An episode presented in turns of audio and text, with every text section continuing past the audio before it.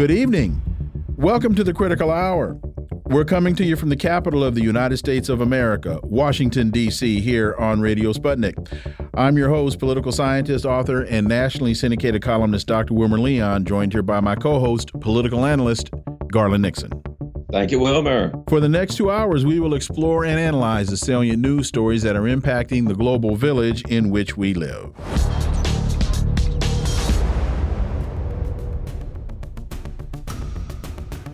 Canada's House Speaker resigns after inviting a man who fought for the Nazis to Parliament.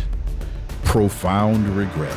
Canada's House of Commons Speaker Anthony Rota resigned yesterday, just days after he welcomed a man who fought for a Nazi military to attend a speech by the Ukrainian president. During the address, the man was publicly introduced and received a couple of standing ovations. For insight into this, let's turn to our first guest. He's an independent journalist whose work can be found at Substack and thepolemicist.net, Dr. Jim Kavanagh. As always, Jim, welcome back. Thank you for having me. Quote, no one in this house is above any of us. Therefore, I must step down as your speaker, Rota said in Parliament yesterday. I reiterate my profound regret for my error in recognizing an individual in the House during the joint address to Parliament of President Zelensky. That public recognition has caused pain to individuals and communities, including to the Jewish community in Canada and around the world, in addition to Nazi survivors in Poland, among other nations. I accept full responsibility for my actions. Jim, few people seem to be connecting Yaroslav Hunka, the Nazi Waffen SS Galicia Division or the SS 14th Waffen Division soldier, with Ukrainian President Zelensky and his new bound of newfound Nazis. Jim Kavanagh. Well, the Speaker of the Parliament, Anthony Rota, explicitly said in his talk, in his uh, um, celebration of this guy, Hunka, that the fight of Ukrainians against Russia today is a continuation of the fight that this guy Hunka did during World War II with the Nazis, with Hitler's army. And that's the case. Uh, whatever this guy Hunka is doing in Canada, the political forces who are the the vanguard fighting forces of Ukraine today are the same political forces, the OUN, the Organization of Ukrainian Nationalists, that were the Nazi collaborators in World War II. And they're proud of it. They're proud of it. They celebrate it. They've turned it in to a mark of honor and celebration in Ukraine. The Bandera and the history of Nazi collaboration. So this is, you know, that, that's what people are, you know, it's not just a mistake on this guy's part first of all, involves an incredible amount of historical ignorance to think that not to recognize that those who were fighting Russia in Ukraine in World War II were fighting with the Nazis. Uh, but it's also because he assumed, the speaker, correctly, that this was a continuation of the fight, the same fight. And it's really just kind of incredible that this went down like this. You know, Jim, um, I think it's a really good thing, to be honest, because look, it's better that the cat's out of the bag, that people know. How does this, what does this reveal about, you know, let, let me add this.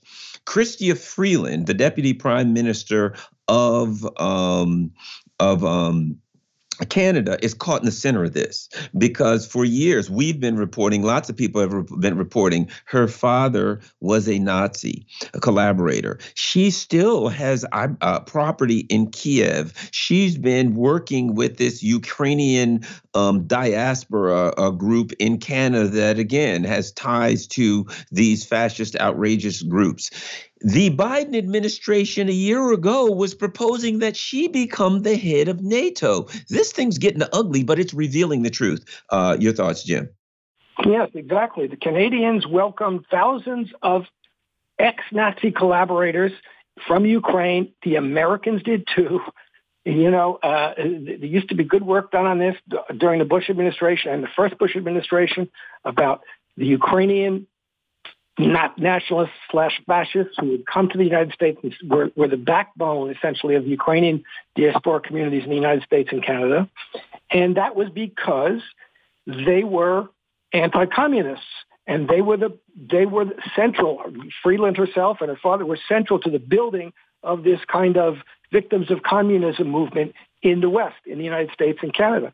And so it was the United States and Canada and other countries, but not only did they welcome the, the, the rocket scientists, they welcomed thousands of Nazi collaborators because they were anti-communist and they were useful tools for building the anti-communist movement.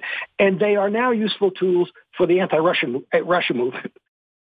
Switching gears, we know that yesterday uh, President Biden went to Detroit and stood on the picket line and spoke with and, and, and met with UAW workers. Now, today, Trump is going to speak with UAW members, and interestingly enough, at a non union plant in Macomb County. Uh, your thoughts on the increased or enhanced politicalization of this UAW strike? Well, you know, both of them are engaged in stunts. Okay, I'll give Biden credit. He's the first president to go to a picket line. Good.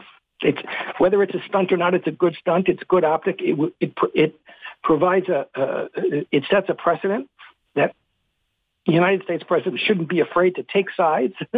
you know, he's not quite doing that, but you know, he Trump, on the other hand, is doing something else. He's going to a non-union plant to talk to workers. You know, he's not quite taking presenting himself as taking sides in the way that Biden does. You know, of course, the real uh, victory for workers in the strike will come with the, with their strike, and the real help to workers in the country as a whole would come from things like uh, minimum wage increase, would come from things like uh, Medicare for all, et cetera, et cetera, et cetera, which none of them, neither of them are going to do. So, uh, you know, it's, uh, uh, I don't know that any of them, either of them will get a real political bump from it. Maybe Biden will get some kind of political bump from it among the unions. It'll, it'll give them, it'll give them a talking point and pictures which to use during the campaign. I don't see anything very important politically at the end of the day. Well, you know, and the, the the the bottom line is both of them, in my opinion, are neoliberals. Both of them are going to act in a manner that is not in the best interest of the working class. But here, um, Trump said he was going to go. Now, I think part of it also is he's doing this to throw elbows at the GOP um, debate because they're going to have he's going to do this on the same time that they have a debate. It's actually, you know, when it comes to just from the uh, tactical perspective or from the strategic perspective, I guess you could argue that it's strategically a, a smart move. But um, because they're both neoliberals, neither one of them is going to they're going to go and they're going to give the illusion that they're standing up for these workers and then they're going to leave and give everything to the billionaires like they always do. Jim? No well, i think that's correct. You know they're uh, agents of the ruling class. Uh, trump himself is a member of the ruling class. He's you know uh, uh he is you know if he weren't if this if his political situation weren't what it is today, he probably would be saying what was it Tim Scott who said if you if you go on strike, you should be fired. You should you're, fired. You know, uh, and, and Biden, but you know, Biden has a career of uh, opportunistically pretending that he's kind of a union guy and a working class guy, but uh, they're not creating, uh, as I said, the, the policies that would actually help the working class of, the, of this country. Neither of them are going to do it. They're both in, you know, capitalist uh, adherents of neoliberal, but just blatantly capitalist ideology. Doesn't some of this, in terms of the benefit for Biden, doesn't it depend on how long, how much longer the strike continues? And what I mean by that is, so he went yesterday. If the strike were to, if the strike ends tomorrow, and we know it won't, but if the strike ended tomorrow, then Joe Biden could say, "Look, you see, I went, I conquered, all's right with the world." If the strike goes on for another two weeks, then folks like, "Well, Joe, why'd you go?" What, what, what good did you do? And quite possibly, did you do more harm than good? Jim Kavanagh. That's a good point, and I think the Republicans will hammer hammer him on it if the strike does go on for a while, and it will then test him. Well, whose side are you on at, at, at this point? You know, if the strike goes on for weeks and weeks and weeks, you know, it's a it's a uh, but that's also you know I, it's a risk that he took in going there that he's pretending, he's presenting himself as on the side of the workers in the strike. He's made a little speech that you deserve more, you, you should get uh, rewarded, you deserve them more than more than you're getting. Uh, so you know, if they deserve more, then in five weeks, six weeks, ten weeks time, they're still going to deserve more.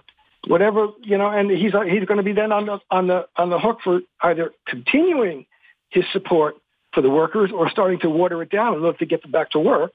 And in either case, it's going to be tougher politically. That's a very good point. The longer this goes on, the more you know it, would, that is going to be re- revealed as either a principled action on behalf of the workers, which he's going to stick with, or as a stunt which, that he's going to have to get away from, which it, it invariably was. The Senate's moving forward on a short-term deal to avert, avert, a government shutdown. You know, I have. I, I, it seems that a big part of getting this through was they were afraid that the Ukraine money would stop. They cut it back a lot, but they also are cutting money for poor people as usual. Your thoughts on this uh, shutdown, so-called deal? Ah, this is another example. Look, this whole thing, you know, my article the last time, the debt ceiling nonsense, you know, this is just nonsense. The government debt ceiling is nonsense. This is the idea. This is all based on the idea that the government needs to spend money, to borrow, to borrow money or collect taxes in order to spend, and it does not. Uh, th- this is a, this is a, a, a fight over whether they're going to sell more T-bills, which they don't have to do to fund the government, but they pretend that they do, and some of them really think that they do. But until we get over this this this notion that the government needs to borrow money to fund itself, this is going to go on forever. Now, what's going on now in this particular instance is these crazy uh, proposals by the Republicans to cut spending by eight, spending by eight across eight percent across the board, which you know, except of course for defense spending and except for this and except for that that they want. And but you know we're going to cut education spending by 80 percent. And uh, the fact that there's this little fight going on in the Republican Party between the hard right wingers and McCarthy, and the, some of these hard right wingers really believe that this is for the good of the country and we're in debt to our grandchildren, where our credit card has run out, all this baloney. That the Democrats also believe but they just ignore it when time comes. Uh, but you know, and they, the answer to this is say that's a lot of baloney, and we're gonna we're gonna keep funding the government the way we fund it always, which is by creating money by appropriations. We don't need to sell, sell any more T-bills. So, uh, but McCarthy's McCarthy's being held hostage by his Freedom Caucus or mm-hmm. the wingers who are using their power to get what they want. They're going to get something out of this. It's not going to be all they want, but watch, this is going to end up being resolved. I bet there'll be a shutdown. They'll go for a shutdown okay. sometime, and they will get something from the Democrats who will agree to cuts of certain kind. Dr. Jim Kavanagh, as always, thank you so much for your time. Greatly appreciate that analysis, and we look forward to having you back. Thank you. Folks, you're listening to the Critical Hour on Radio Sputnik. I'm Wilmer Leon. I'm joined here by my co host, Garland Nixon. There's more on the other side. Stay tuned.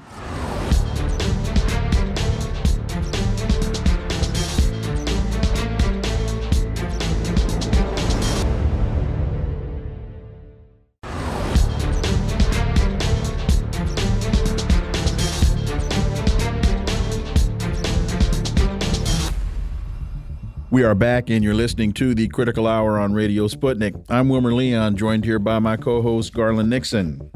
Thank you, Wilmer. Sputnik International reports attack on Sevastopol carried out in close coordination with U.S. and UK specialists. Last week, Kiev launched a missile strike on Sevastopol, and the Russian Air Force Defense shot down five missiles, according to the Russian Defense Ministry. For insight into this, let's turn to our next guest. He's a writer, journalist, and host of the YouTube program The New Atlas, Brian Berletic. As always, Brian, welcome back. Thank you so much for having me back. The story continues. The recent attack on Sevastopol was carried out in a close coordination with U.S. and U.K. specialists, according to Russian Foreign Ministry spokeswoman Maria Zakharova. She said earlier uh, today. Uh, Brian, whether we're looking at German troops in Leopard tanks, as we discussed uh, on the show yesterday, uh, now we have attacks on Sevastopol carried out in coordination with the U.S. and UK. The United States and its allies seem to be uh, getting closer and closer and closer to direct, hands on involvement. The the 10 foot pole is now two feet long. And it seems as though Russia is still being incredibly, incredibly patient here, not to mention the blowing up of the Nord Stream pipeline. That there are a number of things that could be considered acts of war that Russia is not acting upon. Am I right in your thoughts?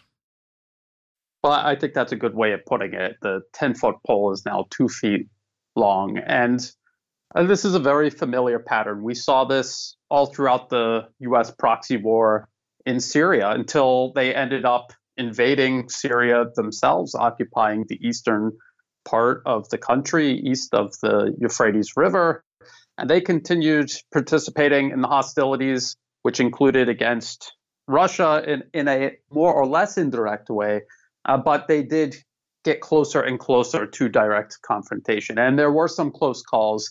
And I think we're seeing the exact same thing playing out in Ukraine. Now, of course, for Ukraine, they don't have their own satellites, they don't have their own long range intelligence gathering capabilities. They have throughout the entirety of this conflict depended on the West for intelligence. And collecting intelligence is part of carrying out a armed conflict, which makes the US, the UK, and others participants. That that in itself makes them participants in this conflict already. And now they're creeping even further into direct conflict with Russia. Very dangerous. And here's the other part of it, too, and that is Russia has shown a tremendous amount of patience. And the reason I think this is the way I look at it, Brian Russia's winning.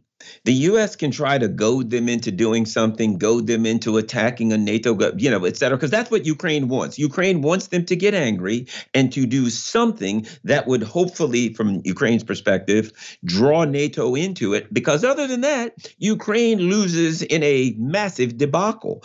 And I think while these things may aggravate the Russian leadership, they understand that they don't have to act because they're winning. They don't have to do anything different than they're doing now. Brian. If I could interject quickly there, because I'd like to take issue with two things you said, Garland, if I may. One is you said Russia is winning. I would say Russia has won. The other thing is, I don't think Ukraine is trying to do anything.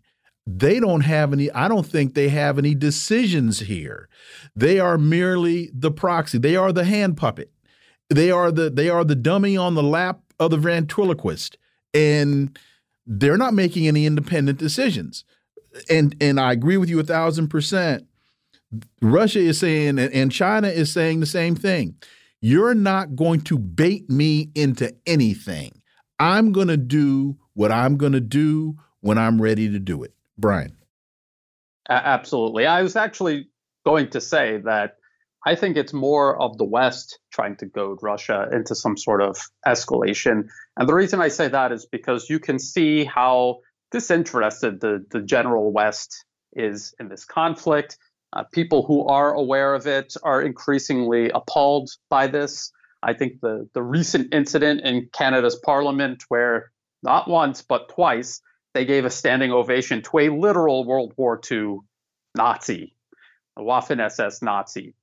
Uh, so people are growing tired of this, and the West needs something extreme to stir everyone up and galvanize them, to supercharge this, to give them the political capital they need to escalate. Because as things stand, and as you just pointed out, Ru- Russia has more or less won this. It's just a matter of time and a matter of allowing everything to play out. RT reports Ukraine knows U.S. tanks won't make much difference. This is reporting from the Wall Street Journal. President Vladimir Zelensky confirmed the long expected arrival of Abrams armored vehicles. Ukrainian officials are not expecting U.S. Abrams main battle tanks to be a game changer in the conflict with Russia. Uh, this is what the Wall Street Journal is reporting.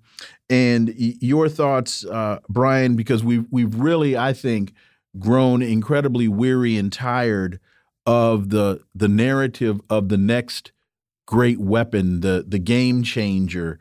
Uh, no matter what they put on the battlefield, it just seems to get shot, blown up, burnt up, uh, eviscerated. Brian Berletic.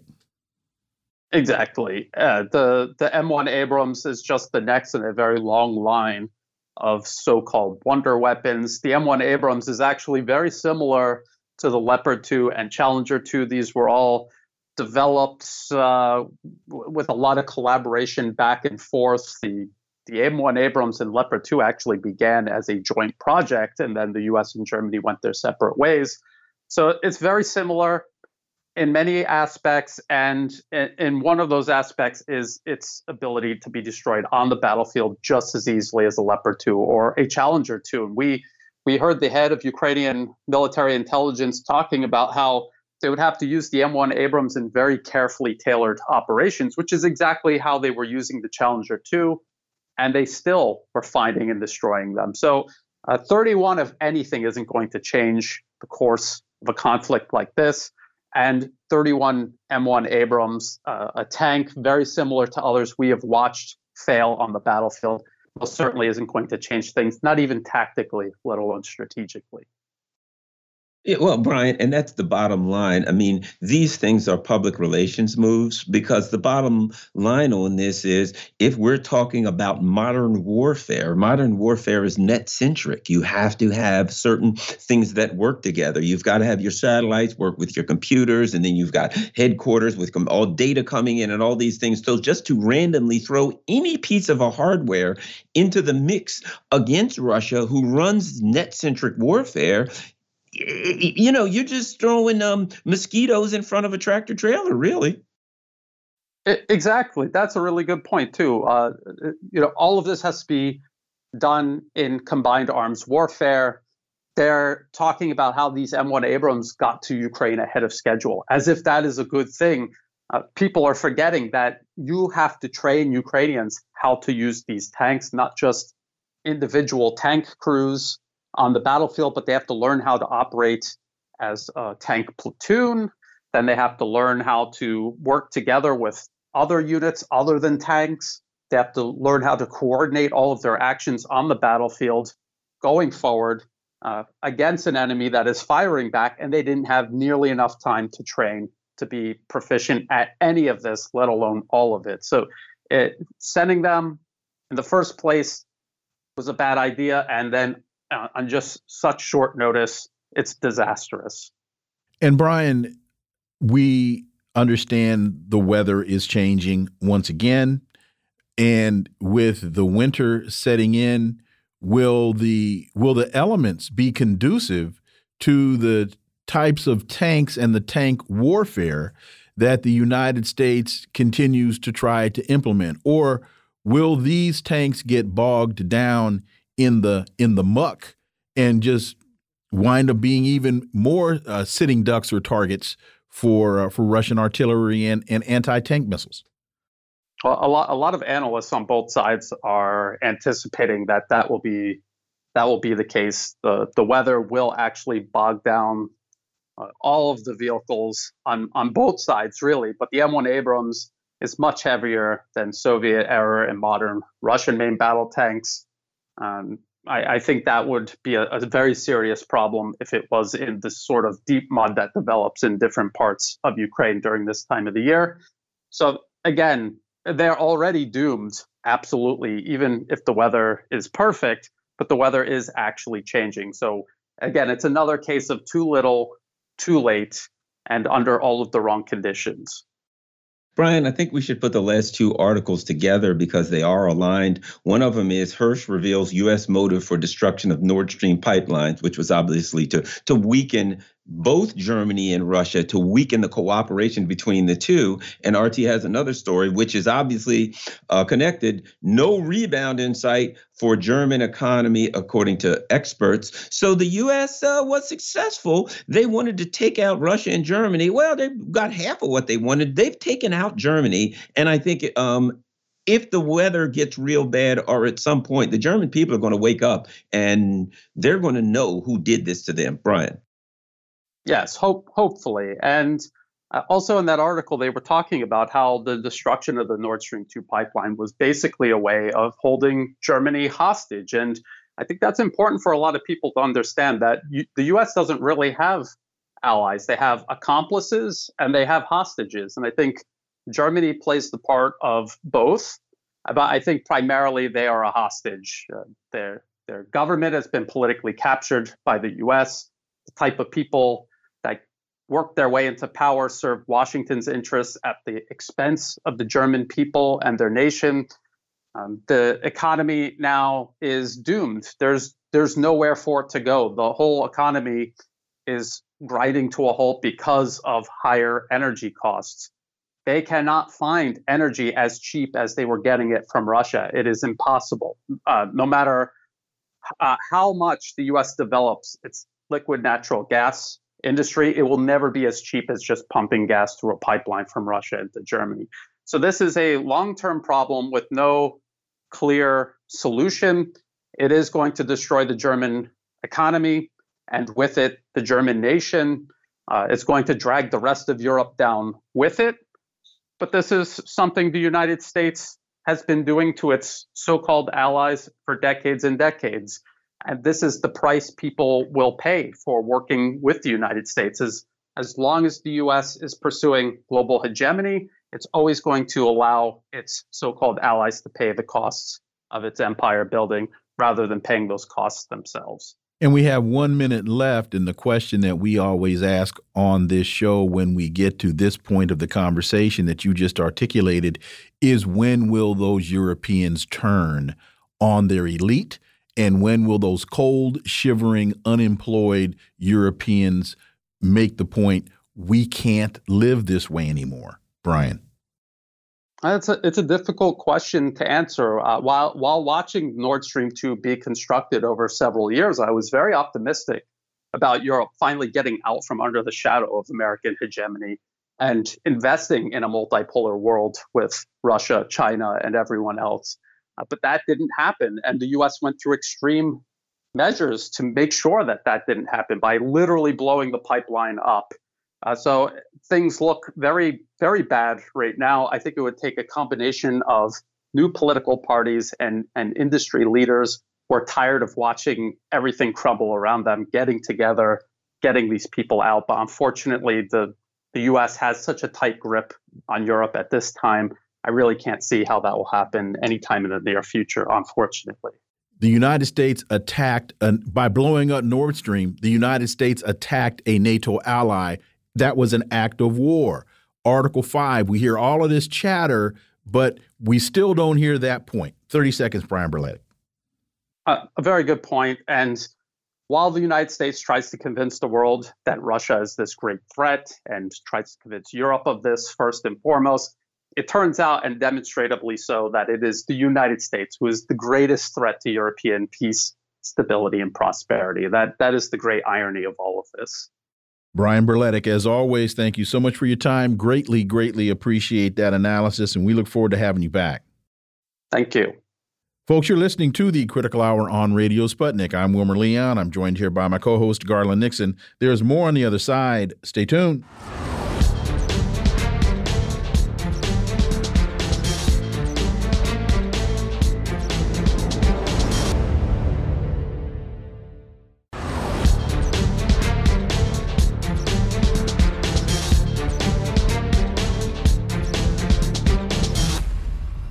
We are back, and you're listening to the Critical Hour on Radio Sputnik. I'm Wilmer Leon, joined here by my co host, Garland Nixon. Thank you, Wilmer. CNN reports Senate unveils stopgap bill in bid to avert shutdown, setting up showdown with the House. The Senate stopgap bill, uh, which would keep the government funded until the 17th of November, includes $6.2 billion in Ukraine aid and 6 billion for national disasters. For insight into this and to other issues, let's turn to our next guest. He's a professor of political science at the University of Rhode Island specializing in Ukraine and Russia, and he's the author of The Tragedy of Ukraine What Classical Greek Tragedy Can Teach Us About Conflict Resolution. Professor Nicolai Petro, as always, welcome back. Nice to be with you again. Thank you.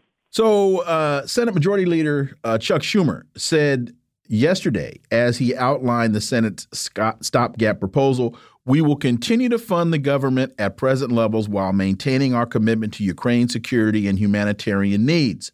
Now, uh, House Speaker McCarthy said last Saturday he'll keep Ukraine aid in the Pentagon funding bill, which is a reversal from his announcement one day earlier that he would strip the money out due to opposition from Marjorie Taylor Greene. Uh, we, we bring this up, Professor Petro, because we're starting to hear this narrative that support for Ukraine in the United States is falling out of favor, but Ukraine doesn't seem to be falling out of money. Professor Petro. Not yet, I suppose. Uh, I don't know who can keep track of these figures anymore. when one. I talk to my students about uh, budgetary numbers, I always use the generic designation gazillion because I I simply no longer have a grasp of how much money this is and over what time it's being spent. When one adds all these numbers up, I've tried to keep track of the assistance being offered uh, which falls into different categories, humanitarian, financial, administrative, and military to Ukraine. But it, it, it is an impossible task because on the one hand, there is what is designated. On the other hand, we don't know over what time period it is designated to be uh, dispersed.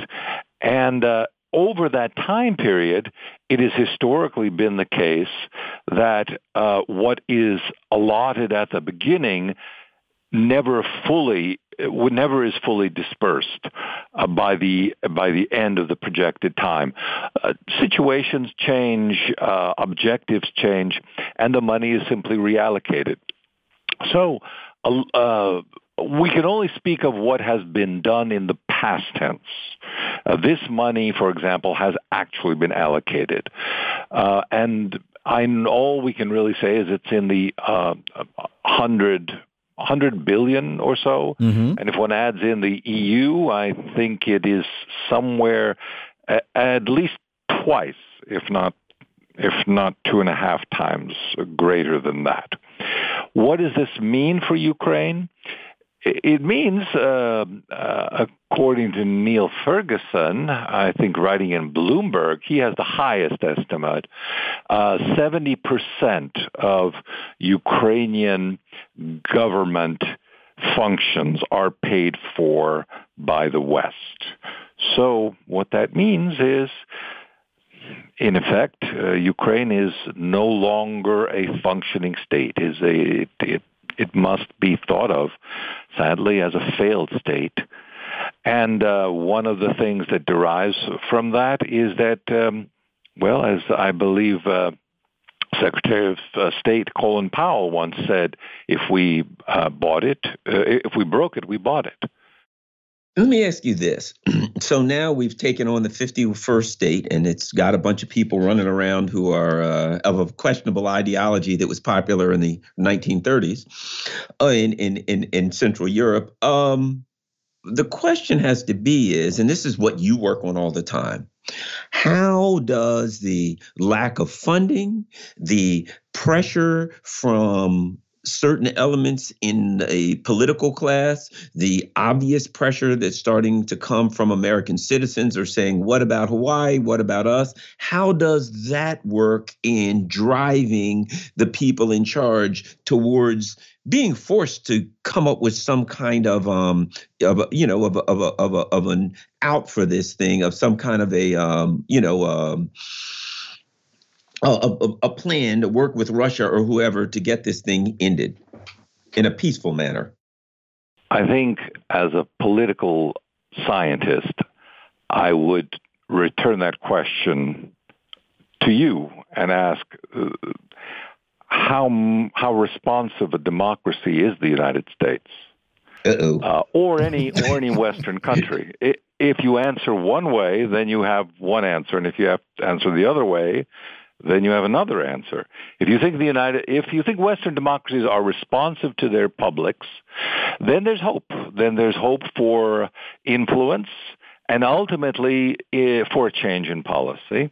Uh, Dr. Petro, to, yeah. Dr. Petro, if I could throw one thing in, normally I would say totally unresponsive, but you have to throw in a factor, and that is we're going into a final year of an election cycle. So while they're not responsive, they must create the illusion that they are responsive. That's the factor I think that will normally doesn't factor in that will this time. That's the only caveat I would put to that.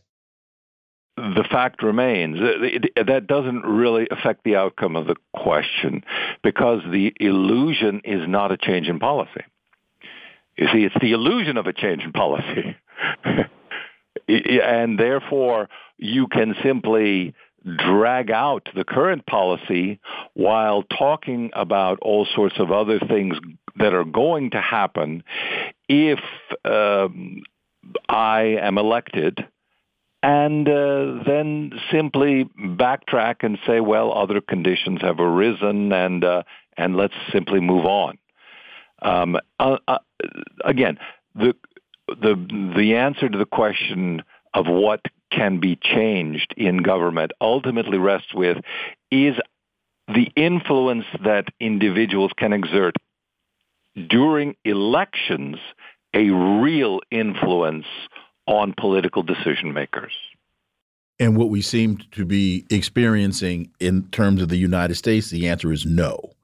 Uh, if we look at the last, I don't know, 10, 15 years, the the answer the answer seems to be well, no. I, here's what I I think we uh, if I were serious about tackling this question, I would say is I would ask the question: Is there a difference in the way certain subjects are treated or treated or certain topics. For example, I do think foreign, the foreign policy of the United States reflects a broad consensus on what people today tend to call neoconservative, neocon values. That is to say, the maintenance of an American imperial presence overseas uh, in order to support American hegemony so that uh, particular topic seems to be more isolated, perhaps, than I don't know labor disputes or other issues that are more that are closer to the real interest and understanding of the American public. One of the things that I think we that, that would explain that difference is that the American public doesn't feel a, a strong need to understand mm, the ramifications for them, for their lives, of, of the pursuit of American he- hegemony. Look at the cost. The, the cost uh, of what we're doing uh, in Ukraine, uh, we've only really skimmed the surface. Mm-hmm. It's going to get uh, larger and larger as time goes on. Mm-hmm. Again, having paid this much for uh, Ukraine, there's no end in sight. Mm-hmm. And there's no keen interest that I can discern on having negotiations that would bring about an end to the conflict. And as a result, uh, how are we dealing with this cost? Well, uh, as uh, Senator uh, Schumer said, um, we're kicking the can down the road to November 17th. And then what? and then all over again? I, I, I, this is a totally dysfunctional system and way of running the government. Well, and we are, I think, all in agreement on that point. And my answer was based upon uh, not having spent a lot of time thinking about 15 seconds thinking about it. Campaign promises. When you look at what Joe Biden promised on the campaign trail and who he promised these things to, that says to me, and I think I can speak to Gar for Garland on this one. That speaks to that. That tells us they know what buttons to push. They know the issues that people are concerned about, and they know what people want to hear. So they say them. But then they but then they get elected and it's right back to business as usual. And I think they think tell us what we want to hear and then what? And then so what? and and people vote people vote based upon that narrative. And now people are sitting there with their hands in the air looking at the sky saying well why hasn't my life and why hasn't my my my circumstance improved? And it's because you got lied to. Go ahead. Yeah the most popular party in the united states is the one that says uh, the outcome doesn't depend on me, I'm going to abstain from voting. You know, uh, mm-hmm. uh, th- that's the largest single party. um, and that's a, a, tragedy because so many people have been turned off. Um, one could speculate about why someone that has been under indictment for a number of crimes, I'm talking about uh, former President Trump, is nevertheless uh, seen as a viable candidate. And I think because he is seen as someone who won't bend, who won't, mm-hmm. who, who might actually do something, even almost you know as a as a way of sticking it to the man if you will you mm-hmm. know sort of saying uh whatever do do just do something uh, that indicates that uh, my voice in the political process is not uh, completely meaningless if there were a serious political discussion about for example foreign policy and Ukraine uh, then the the views of someone like I think this is this is a candidate who has the most um, decisively different views uh, lying out outlying from the mainstream. That would be Vivek uh, Ramaswamy, because uh, his position is both well articulated and clear. In that uh, we need to stop supporting Ukraine entirely, yet uh, he has not been able to capture a strong foothold in the public ima- imagination, at least yet. One of the things that's important, we've got another story, interesting. Putin Raisi discussed smoothly integrating Iran into BRICS. Well, uh, one of the important things that's happened here is that BRICS have they've admitted Argentina, Egypt, Ethiopia, Iran, Saudi Arabia, and the UAE. Um, this is very important. There are a lot of things happening outside of Ukraine that are decisive in the direction of the world order. Your thoughts on what's happening with Iran? Exactly right. But Ukraine is important because it's the catalyst, and I should say not the whole picture of Ukraine, both what is happening to it and the reaction of the West to Russia's invasion of Ukraine uh, together are transforming the world uh, and uh, leading to profound changes down the road, I think. Final uh, quick quick uh, st uh, story. Erdogan says Turkish approval of Sweden's NATO bid hinges on U.S. F-16 sale.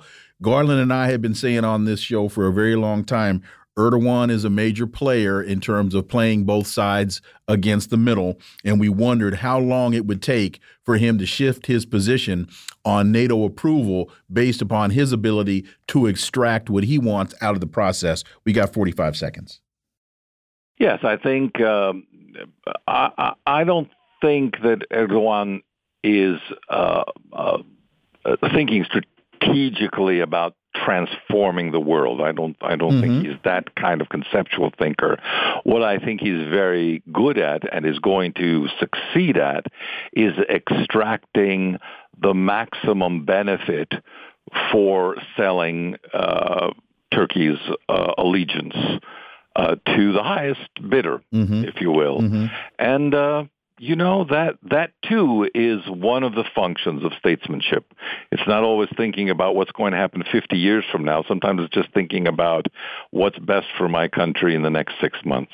Professor Nicolai Petro, as always, thank you so much for your time. Greatly, greatly appreciate that analysis, and we look forward to having you back. Thank you. Folks, you're listening to the Critical Hour on Radio Sputnik. I'm Wilmer Leon. I'm joined here by my co host, Garland Nixon. There's more on the other side. Stay tuned.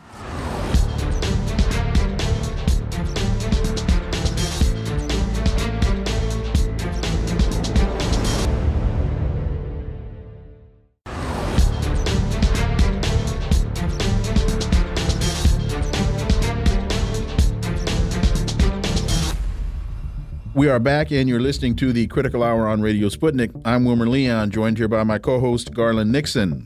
Thank you, Wilmer. There's a great piece entitled The Hero Zelensky is Losing His Feathers Russia's Resilience and the Evolution of the West's Position on Ukraine. During his visit to the U.S., Ukrainian President Zelensky received a warm welcome and significant support However, the initial enthusiasm and international solidarity with that Ukraine President Zelensky enjoyed appears to be fading, and the political landscape had changed during his recent visit to Congress. For insight into this, let's turn to our next guest. He's a veteran Middle East war correspondent and author of this piece, Elijah Magnier. Elijah, welcome back. Hello, and thank you for having me. Uh, you continue this shift in attitude underscores the changing dynamics of American politics and its implications for international relations. As the conflict continues, there are signs that the tide may be turning against it politically and in terms of tangible support. If you could elaborate on that point, especially in the context of what we're seeing play out right now in the U.S. Congress budget fight, where to your point, it seems as though uh, support for Ukraine is falling out of favor, but at least at this point, in terms of the West and its financing, Ukraine isn't falling out of the money. Elijah Magnier. Well, yes, when uh, President Zelensky came to the US the first time, he was received as a hero because the Democrats ruled the Congress and President Joe Biden promised, according to my sources in Brussels, within the European leaders, to all European leaders, that Russia is going to be defeated, is going to crumble, the economy is going to be flat completely, and we're going to share all the benefit. After several months, everybody started to realize that first, this is a long war. Second, this is a proxy war Third, the aim is not really to cripple the Russian economy, but at the end of the day, it is the European economy that is crippled, particularly after the sabotage of the um, uh, Nord Stream 2 uh, gas line that comes from Russia to Germany and the rest of Europe. Because of that, and because the results were not really met, then we've seen the European economy crumbling and we've seen the uh, reaction when the, the Republican took over in the Congress. And here Joe Biden gave us the real reason of the war. He said, when um, uh, Kevin McCarthy said, we're not going to give a blank check regarding the war in Ukraine and pay all the money that Joe Biden wants. And Joe Biden revealed that, uh, to us the reason of the war. He said they don't understand anything about foreign policy, uh, uh, and he meant the Democrat. It is not about Ukraine. It is about NATO. It is about Eastern Europe. So Joe Biden told us that it is about the unity of NATO, the control of the US of NATO, and the control of the US over Eastern Europe. Because of that, and because he promised victory, then this time when Zelensky came to the Congress, uh, McCarthy asked, Where is the victory? When is going to be, what is the plan for victory? Because we understand today that uh, uh, the long waited counteroffensive has failed. The Ukrainians have advanced a few hundred meters here and there, and all the objectives are not met. So, in exchange, what Ukraine is doing is sending tactical hits with the drones against Moscow, against Crimea, that at the end of the day, in substance, mean nothing in the art of war. There is no gain but just sabotage act, just diversion act, just to say we're still hitting Russia, we're still hitting Russian location, and at the end of the day, it's giving really no benefit and no gain to Ukraine. So, because of that, the Americans are starting to wonder where all this money is going. Secondly, Zelensky was uh, very good in removing his defense minister accused of corruption and saying, well, okay, we're dealing with corruption, knowing that Ukraine is one of the most corrupted nation on earth. Thirdly, Europe, particularly Poland, that's very enthusiastic about the war against Russia, is saying we're closing the borders on the Ukrainian arms and grain. And what that is the reason why is first because Poland uh, is uh, having an election on the 15th of October. Secondly, because Europe lifted the ban on grain uh, that was damaging the market in several countries in Europe because the Ukrainian Ukrainian grain is cheaper and that hit the economy in Poland, in Hungary, in Slovakia, and Croatia. And these countries rejected the EU directive of lifting the ban on the Ukrainian grain uh, that were, has invaded these countries and damaging the farmer in these countries.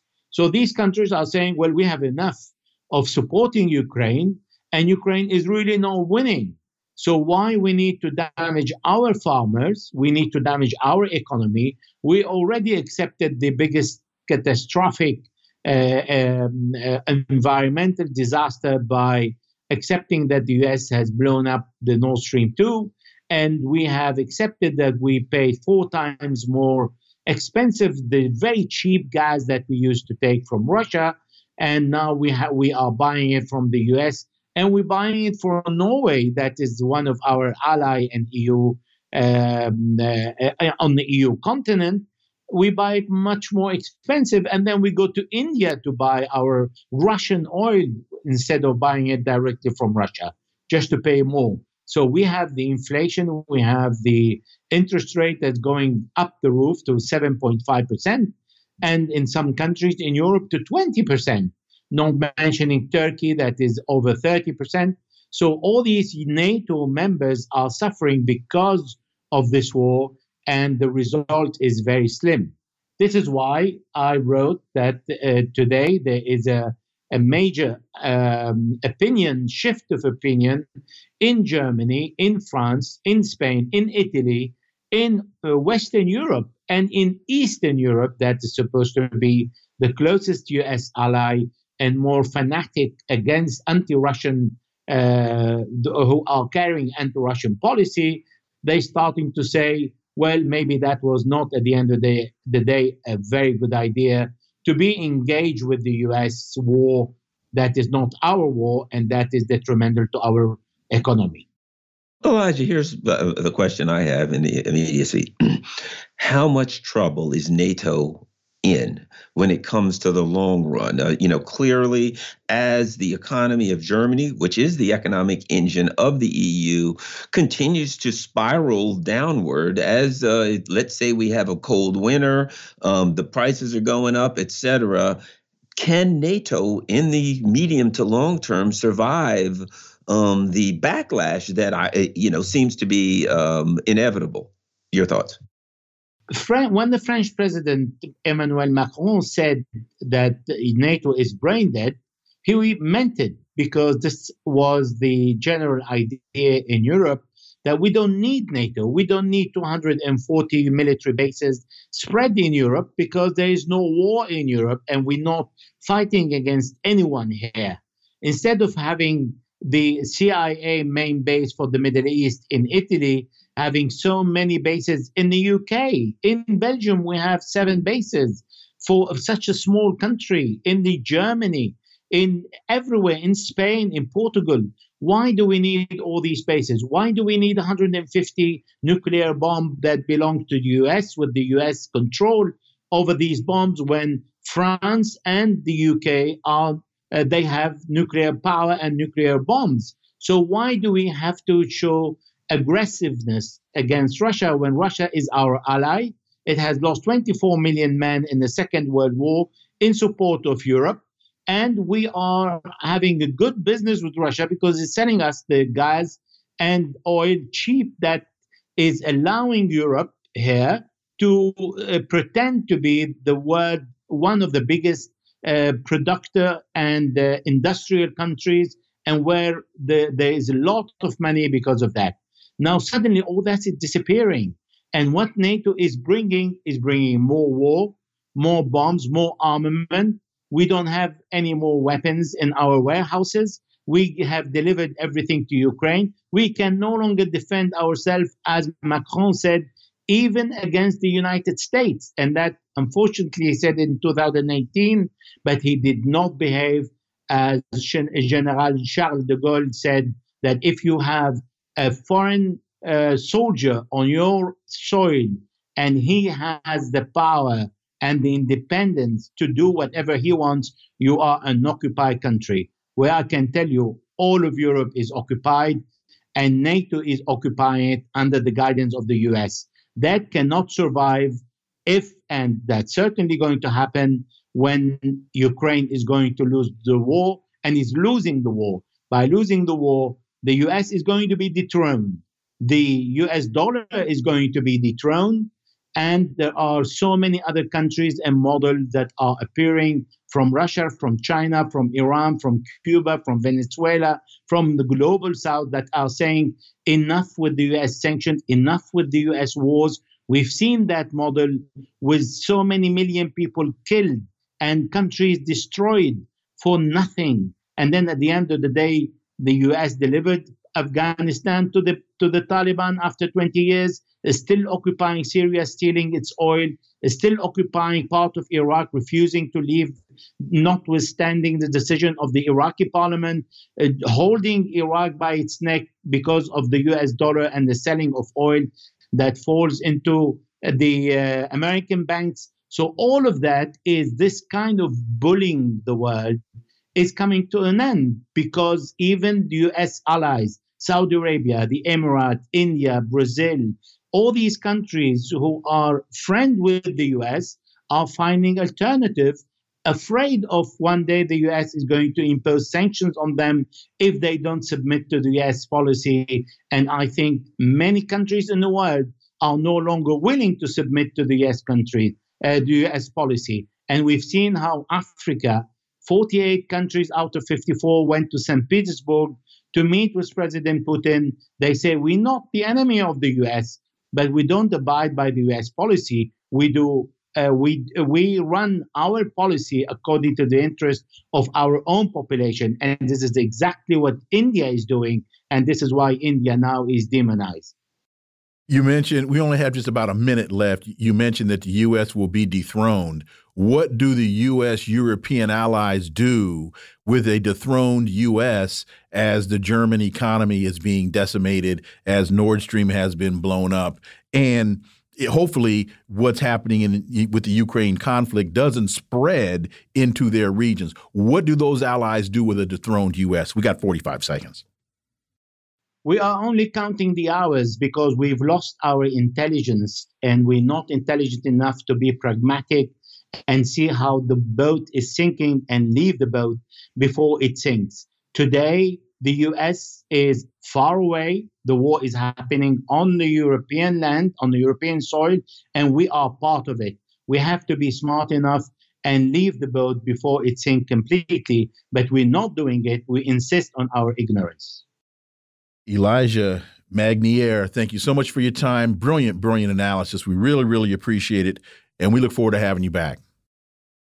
My pleasure. Thank you. Folks, you are listening to the Critical Hour on Radio Sputnik. I'm Wilmer Leon. I'm joined here by my co host, Garland Nixon. There's another hour on the other side. Stay tuned.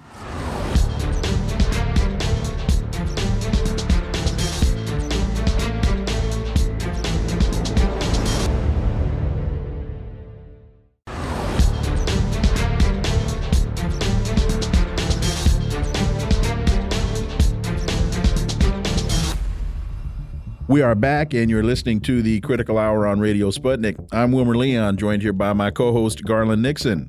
Thank you, Wilmer. Responsible Statecraft has a piece entitled Biden's Middle East Deal is a Disaster. Saudi Arabia has recognized Washington's anxiety about losing its position to China and is pressing for major concessions. For insight into this, let's turn to our next guest. He's an award winning broadcaster, political analyst, and journalist based in Beirut, Lebanon, Laith Marouf. As always, Laith, welcome back. Thank you for having me.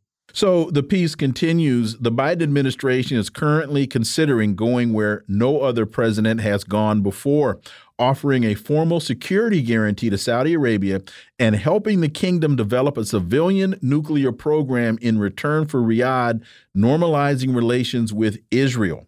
President Biden and his team argue that the U.S has a national security interest in brokering such a deal, even if that means massive and unprecedented concessions to Riyadh. Wow. My, my grandmother would say, Hard times will make a monkey eat snowballs.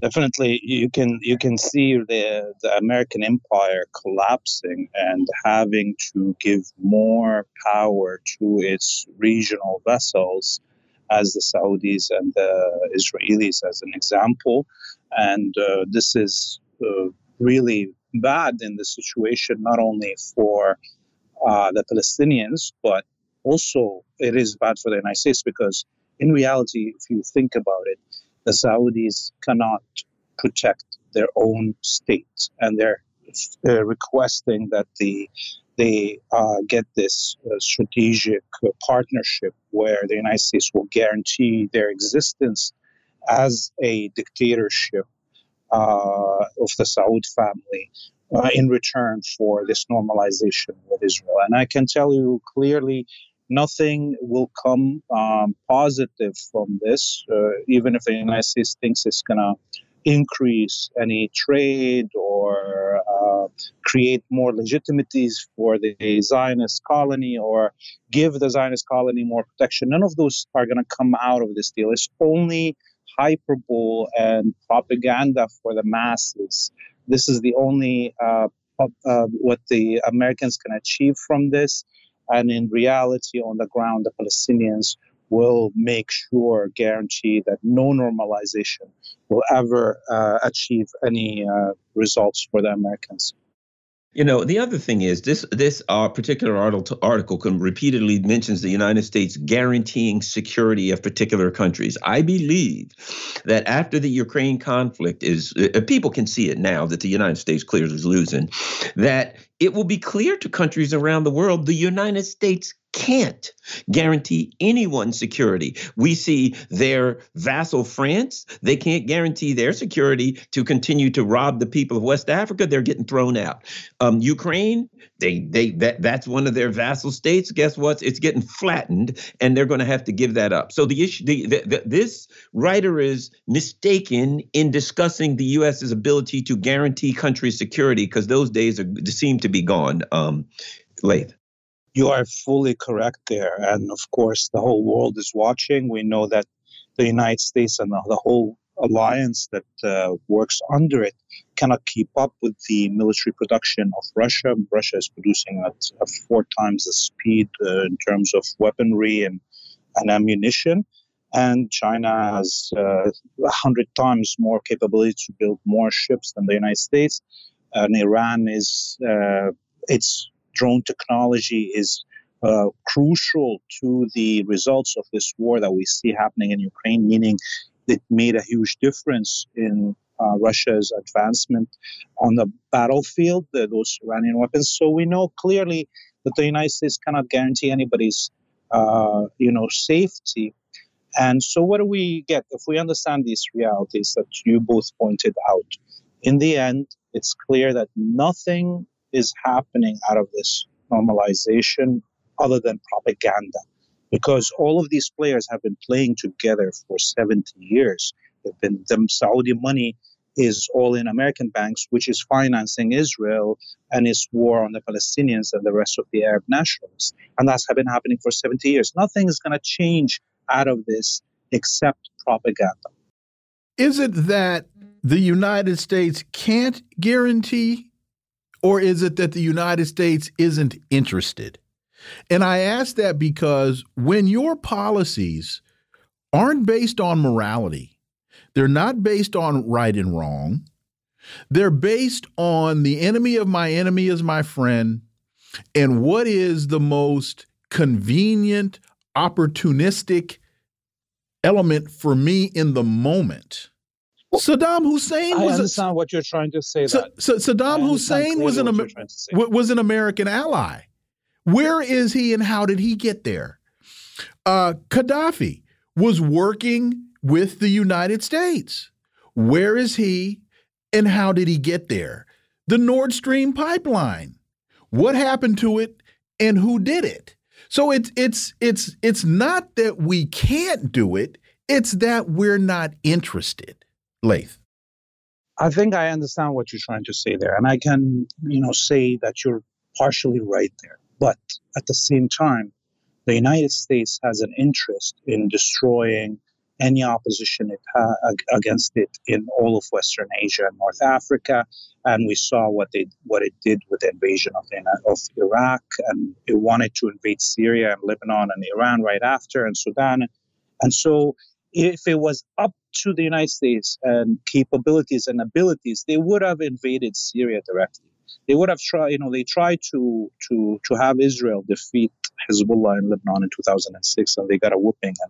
And uh, the Americans occupied Beirut in 1982, and, and that led to hundreds of uh, American soldiers coming back in coffins uh, from that fight. So if the United States had the power, it would. But in reality, right now, today, it is not even 1982 when the United States got its whipping in, in, in Beirut, or 2006 when the Israelis got their whipping in South Lebanon. Now it's 2023 where Iran can set the tone of the battlefield in Ukraine. And that is, means that the United States cannot and does not have the military power to defeat the axis of resistance, for instance, in the Western Asia. And that's why we see the only uh, kind of war that is now the United States is fighting in, in Western Asia is a war of propaganda, a war of starvation and sanctions, and a war of militias on the ground. That's the only thing that the United States can do and you and I are not we are not at odds on this. I before we move on to the next story, I'll just make this point. If the United States policy decisions were based on morality and right and wrong, we wouldn't even be fighting in Ukraine. Go ahead, Garland. Here's a, a, a, interesting one. The Speaker of, of Canada's House of Commons lower chamber, Anthony Rota, uh, Anthony Rota, told legislators that he made a mistake by inviting ex-soldier Yaroslav Hunka, 98, to attend the sessions in the House honoring Ukrainian President Vladimir Zelensky. He has resigned, um, facing a ghastly debacle. And I would make this point: it wasn't a mistake. You know what a mistake is when you trip over the water hose, when you step on a rake and it comes up and the handle bops you in the forehead. That's not a mistake. He made a decision.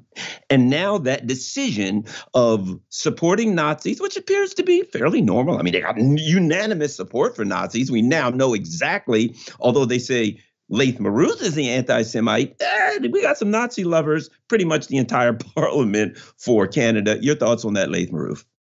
Yes, look, uh, you know, the uh, uh, vice prime minister uh, of Canada is a Ukrainian.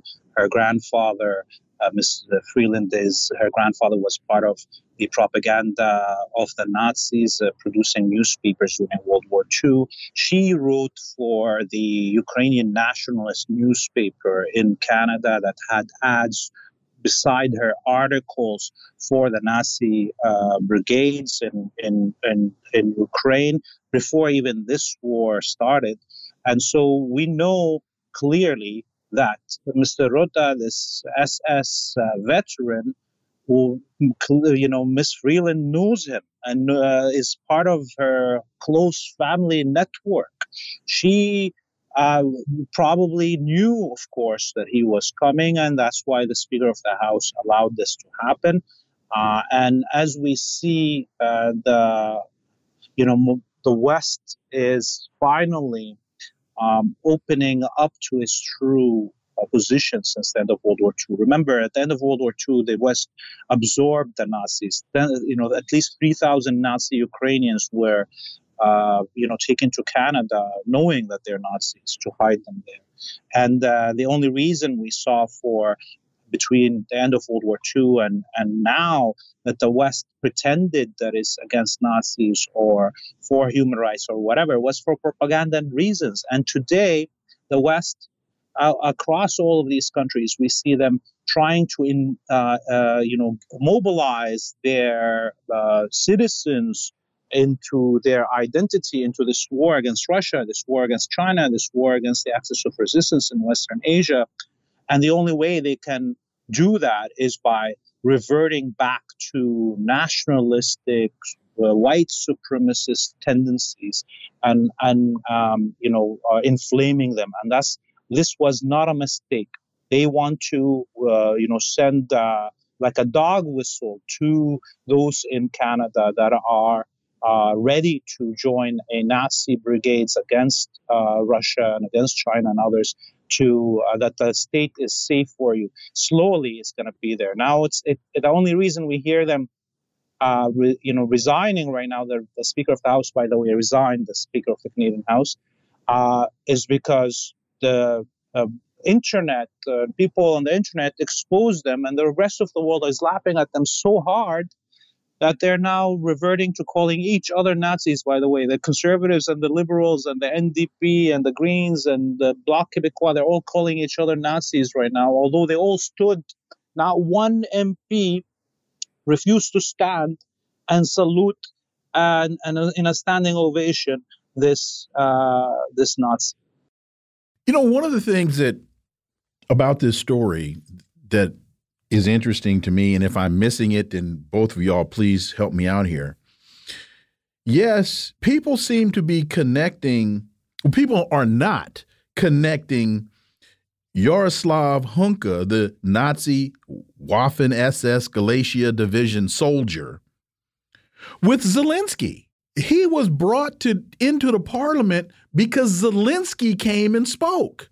And this was supposed to be homage to Zelensky and his Nazis. And you know what? Go just, ahead. Uh, it came to my mind. The, the, the Ukrainian government just issued a, uh, a, a, stamp in honor of this uh, Canadian Ukrainian Nazi, 98 years old. And Zelensky, till today, has refused to apologize for standing in also uh, and and clapping for this Nazi. So in reality, they, you know, we have uh, a coalition between Zionists and Nazi white supremacies uh, in Ukraine, in the in the body of this Zelensky, and uh, of course the the Canadian state itself is built on genocide, is built on manufacturing of false identity. I don't know if your listeners know this, but the word Canada comes from Mohawk, and it's the word for village. Uh, and and this is you know Canadians pretend that they are from the village, uh, and while they're really settler colonials. And similarly, Quebec, the word Quebec, the French settlers call themselves Quebecois in Canada. Quebec is, uh, an Algonquin word that means the where the place where the river narrows Therefore, here we have white supremacist settlers that are trying to pretend that they are indigenous. And anyone that, uh, you know, so we can see how Hitler was happy of the experiment of Canada and quoted uh, in his Mein Kampf and his My, My Struggle book that he wants to copy the Canadian formula of genociding the indigenous and pretending to be the indigenous. I don't see enough connection between this Nazi and Zelensky and his band. Well, you know, I, I look at it like this: you've seen one Nazi, you've seen them all. Laith Marouf, thank you so much for your time. Greatly appreciate it. Look forward to having you back. You have a great night, man. Folks, you're listening to the Critical Hour on Radio Sputnik. I'm Wilmer Leon. I'm joined here by my co host, Garland Nixon. There's more on the other side. Stay tuned.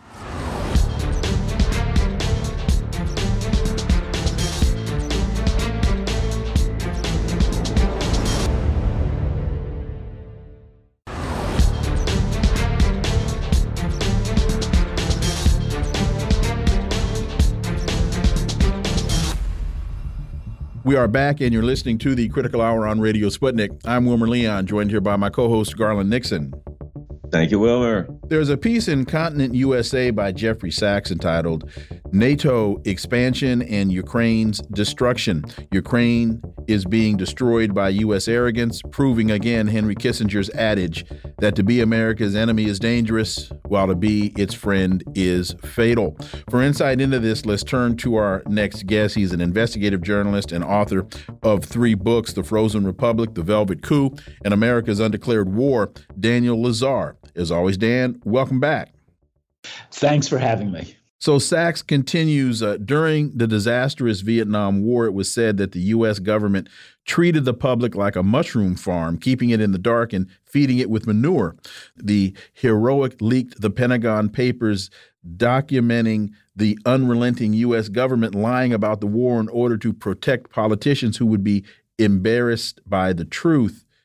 A half century later, during the Ukraine war, the manure is piled even higher.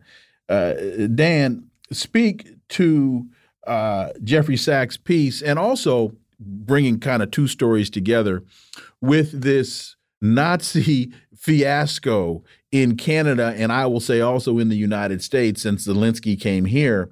Um, you were you we all were discussing here very very early that in in the, in the in this whole conflict that this whole tie to Nazism would come back to bite them in the butt. That they that they weren't going to be able to run from this thing forever, and that you were more prophetic than more people give you credit for. Daniel Lazare. Thank you. Uh, yeah, I, I, mean, I mean, my my my operating belief is you can't sweep the truth under the rug. You can do it for a while, but mm-hmm. you can't do it forever. And the truth comes out. And the fact is, there are several relevant facts here. Uh, one is that the um, the 2014 uh, Euromaidan coup d'état uh, was essentially led by neo-Nazi forces all the press reported at that time, including the New York Times. And throughout until through 20 no 2021 the story of uh, ultra right inf- uh, influence in the ukraine was a big story every major outlet covered that story uh, the times cnn uh, oh many many others and um, uh, but it was buried uh, on February 24th, 2022, when Putin uh, invaded the Ukraine uh, under the pretext of denazifying it. Now, suddenly it became a, a great sin to mention uh, ultra right influence in the Ukraine. Uh, and if you um, if you had to mention it, then you had to say you had to to play it down and minimize it. And if you couldn't play it down or minimize it, then you had to essentially remind everybody that it was a, a Russian concoction. So the this incident in Canada is utterly stunning. It's a real turning point, but essentially it shows just can't hide the truth. The ultra right element in the uh, Ukrainian military is considerable. And by the way, it was bad enough when the entire Canadian Parliament stood up in a uh, in applauding this guy who uh, who fought for Ukrainian independence against Russia during World War II.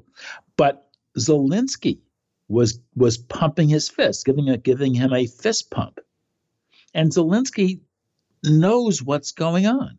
And Zelensky is also Jewish, by the way. And Zelensky's grandfather fought in the Soviet military. So, what is going on here? I mean, what are they trying to cover up? What kind of nonsense are they feeding us?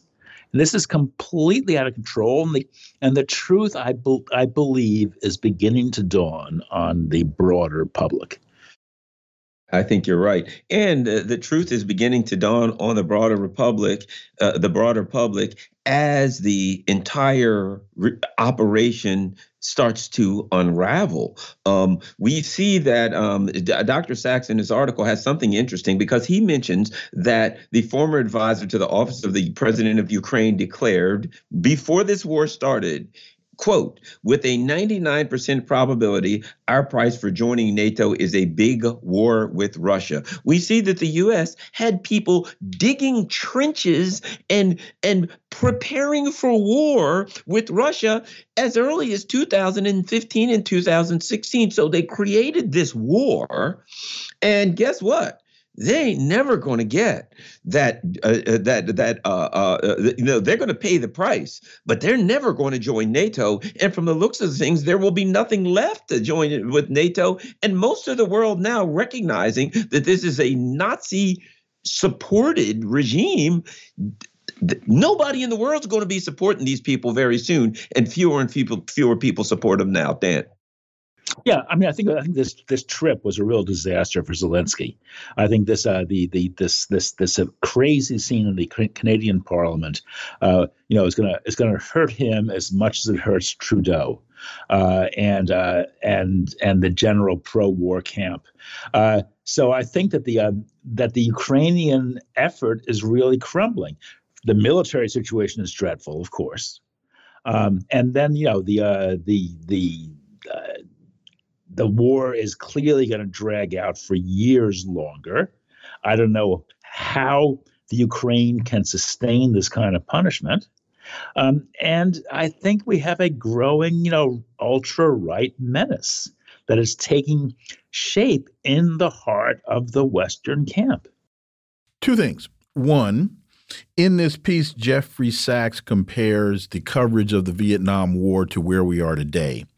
And I remember as a kid, every night watching the news and the coverage for as slanted as the coverage was, we were getting nightly reports from the battlefield.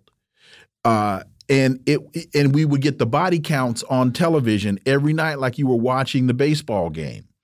And then there's that uh, famous picture of uh, Phan Thi Kim Phuc, the, the the the napalm girl who was running, and and the naked girl running down this. So I, I don't see a comparison between the coverage of the Vietnam War and what we're getting now because we're not getting anything now. That's the first. That's the first point. Second point is you mentioned Zelensky pumping his fist. One of the things that we've discussed with a couple of the guests is that for as horrific as this Nazi in Canada's parliament was, it's still not being tied to Zelensky. Your thoughts?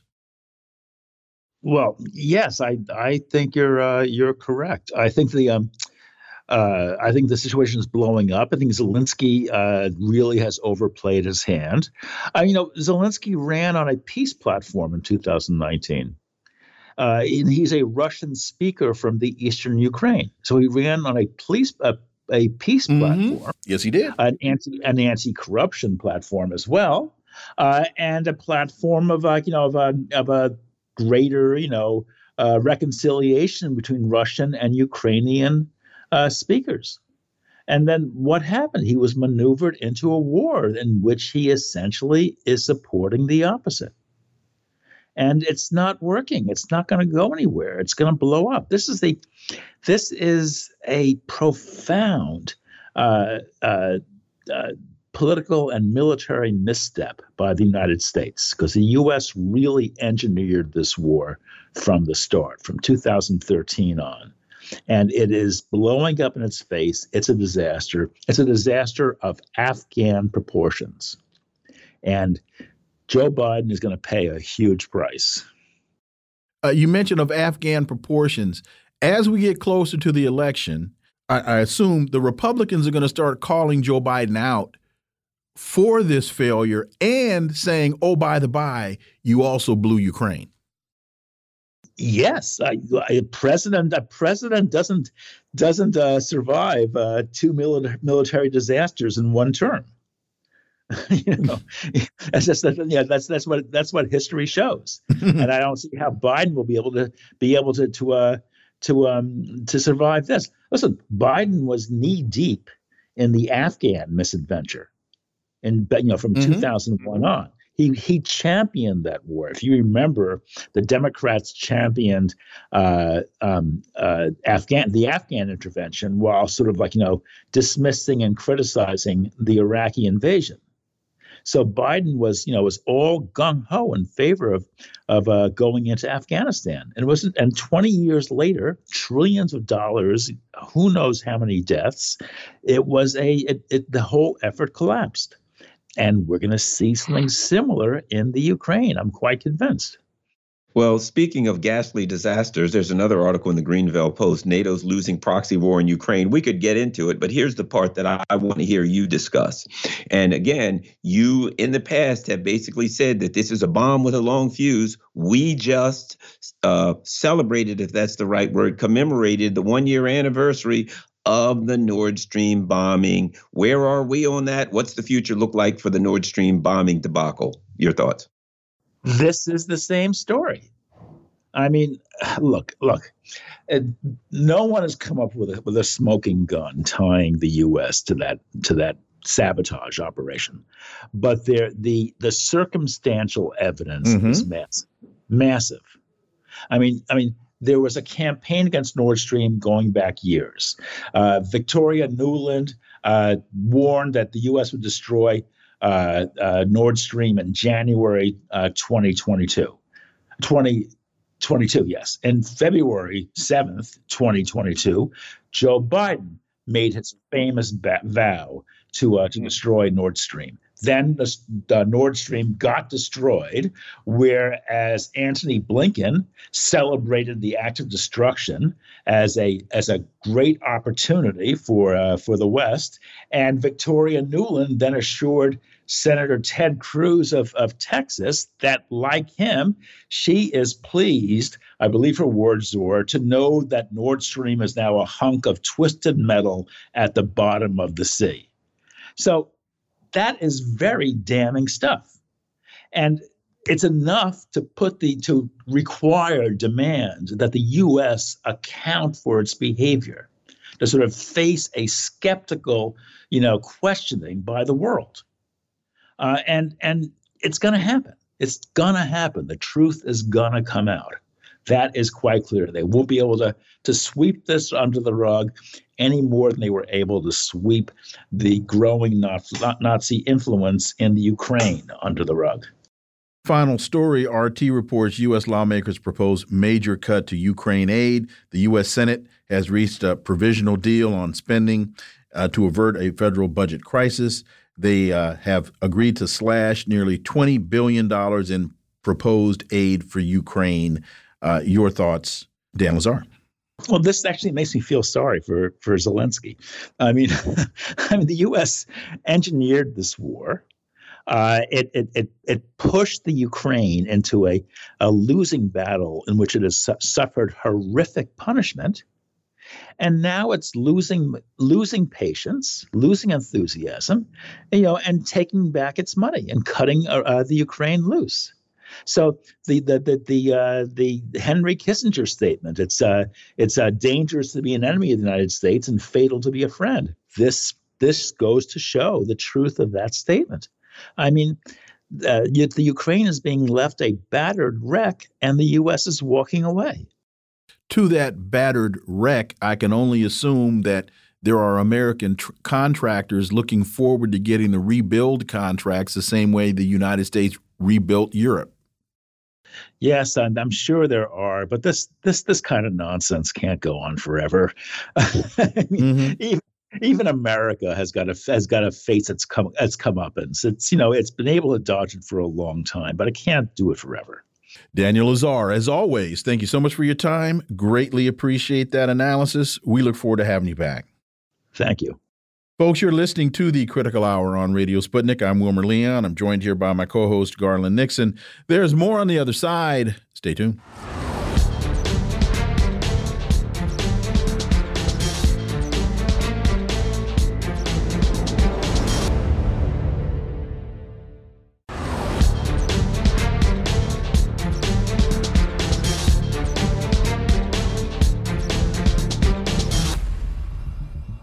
We are back, and you're listening to the Critical Hour on Radio Sputnik. I'm Wilmer Leon, joined here by my co host, Garland Nixon. Thank you, Wilmer. The Washington Post reports North Korea expels U.S. soldier Travis King months after crossing border.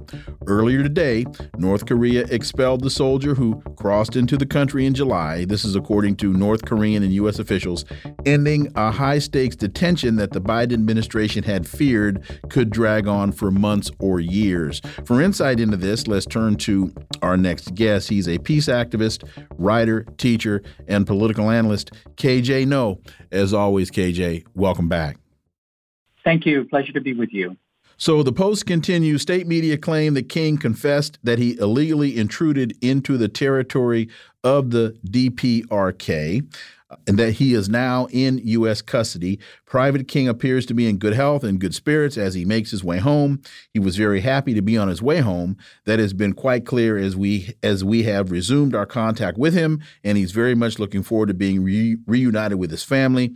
That is the sentiment that is pervading all else right now. Your thoughts on all of this? Uh, this was not the way I expected it to turn out, and maybe it's not the way it has turned out. KJ, know your thoughts.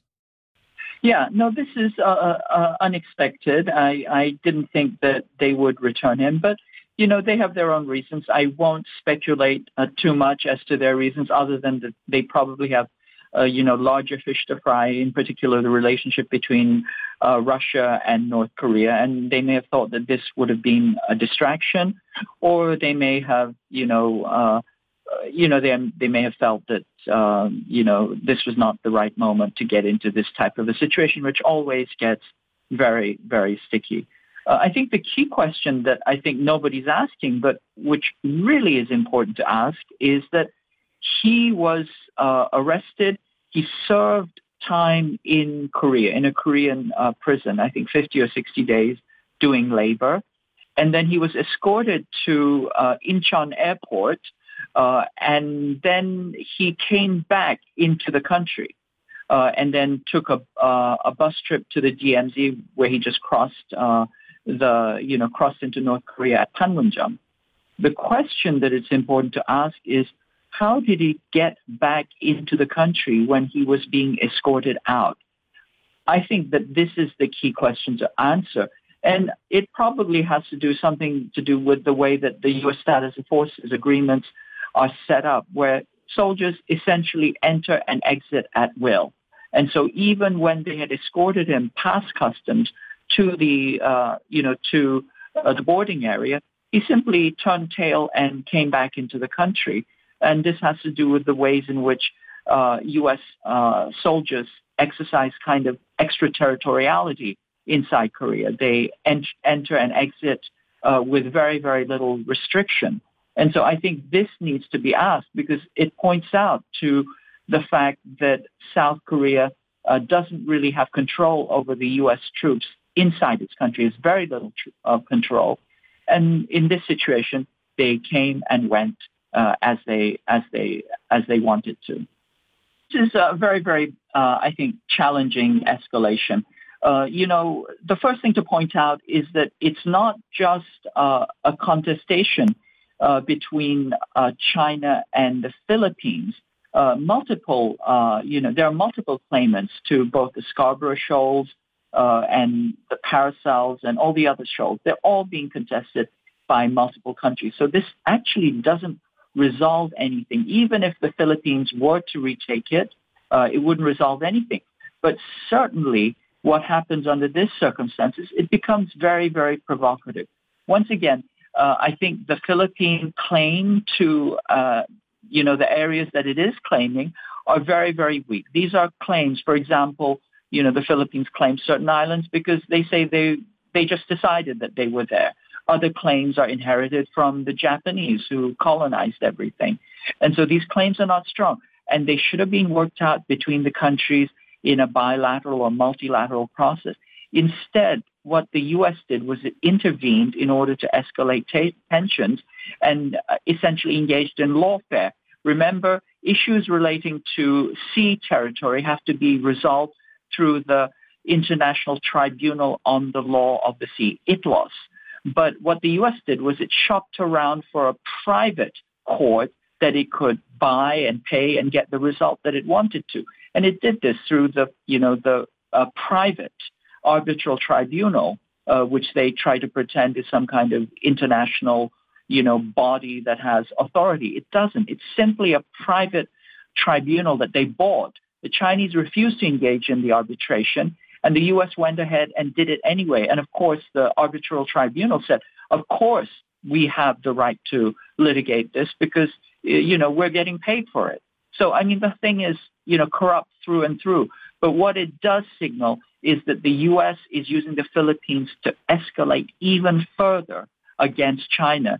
And the South China Sea is a key point of contestation along with Taiwan and uh, Korea, because if the U.S. has war gained out that if they can start a war in the South China Sea, they don't have to win the war. It will essentially shut down all the trade moving through the South China Sea, including 70% of China's oil, $5.3 trillion worth of uh, goods.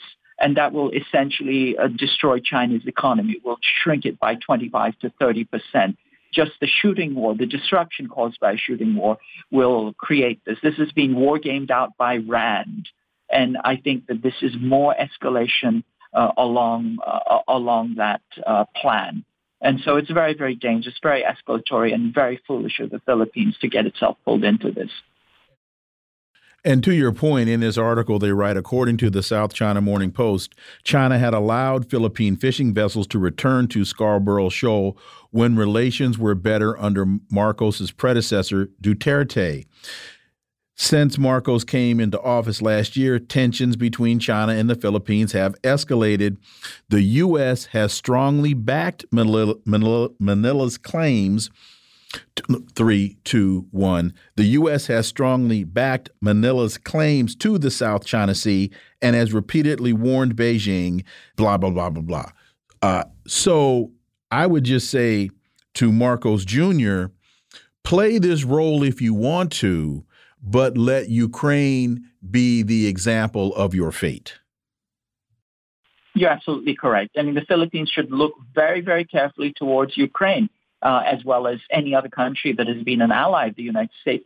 Usually, it does not end up well for that state. Certainly, the Philippines should have its own experience of that, having suffered a genocide under U.S. colonization, and then once again, you know, uh, you know, kind of a puppet status with uh, the uh, former Marcos, uh, and then and then being unceremoniously dumped and forced to go into exile. The Philippines has seen this movie many, many times before, and it really befuddles me uh, that Bongbong Marcos is not able to understand that the fate that is in store for him is not a happy one. Well, I mean, this is what he excels in. The man has no diplomatic credential, and it really is astounding that the U.S. continues to appoint people who are simply being paid back for loyalty or, you know, or, or for donations. Uh, when when a diplomatic position, certainly the ambassador position, is a really really critical, uh, you know, point of engagement for foreign policy. I don't know that there's any other country that has such an extraordinarily corrupt and inept practice. And Rahm Emanuel, you know, is the poster child for that. Continually trolling, shooting off his mouth, saying everything wrong now. I don't know if, you know, they have given him license to say these things. He may just be playing uh, bad cop to the current good cop trend that's happening. I think that is also a possibility. But the first thing that strikes me about Rahm Emanuel's statements is the extraordinary hypocrisy. I mean, this was a man who disappeared thousands of people when he was mayor uh, of Chicago inside, you know, this kind of black site called Homan Square. You know, thousands of people disappeared. They were not able to be traced. They had no access to lawyers. People said that it was like a James Bond villain lair. And so now, having had that long history, of doing such extraordinary extrajudicial, you know, uh, black site, uh, you know, disappearances. He has the temerity to criticize uh, the fact that, you know, one of China's leaders, you know, is not currently in the public view. I mean, what is this notion that everybody who is a Chinese official has to report uh, their whereabouts to the U.S uh, all the time? You know, is this like a police stop where you have to show your hands all the time? The the temerity uh, and the hubris and the uh, ineptness of this kind of messaging is just mind-boggling. And not to mention uh, Rahm Emanuel's father. And, and and I I just bring that up uh, because what is it reported? His father was a member of uh, Israeli intelligence. I think he was part of the Irgun, And so this just shows it, just another another data point uh, to show the sordid history of the Emanuels. Yes, absolutely. I think you're 100% right. And also, you know, let's put it out there, the divided loyalties and the extraordinary, you know, con- extraordinary uh, ideologies that I think most people, if they understood, uh, would be mm-hmm. severely mm -hmm. critical of. KJ Noh, as always, thank you so much for your time. Greatly, greatly appreciate that analysis. We look forward to having you back. Thank you. Always a pleasure. Folks, you're listening to the Critical Hour on Radio Sputnik. I'm Wilmer Leon. I'm joined here by my co host, Garland Nixon. There's more on the other side. Stay tuned.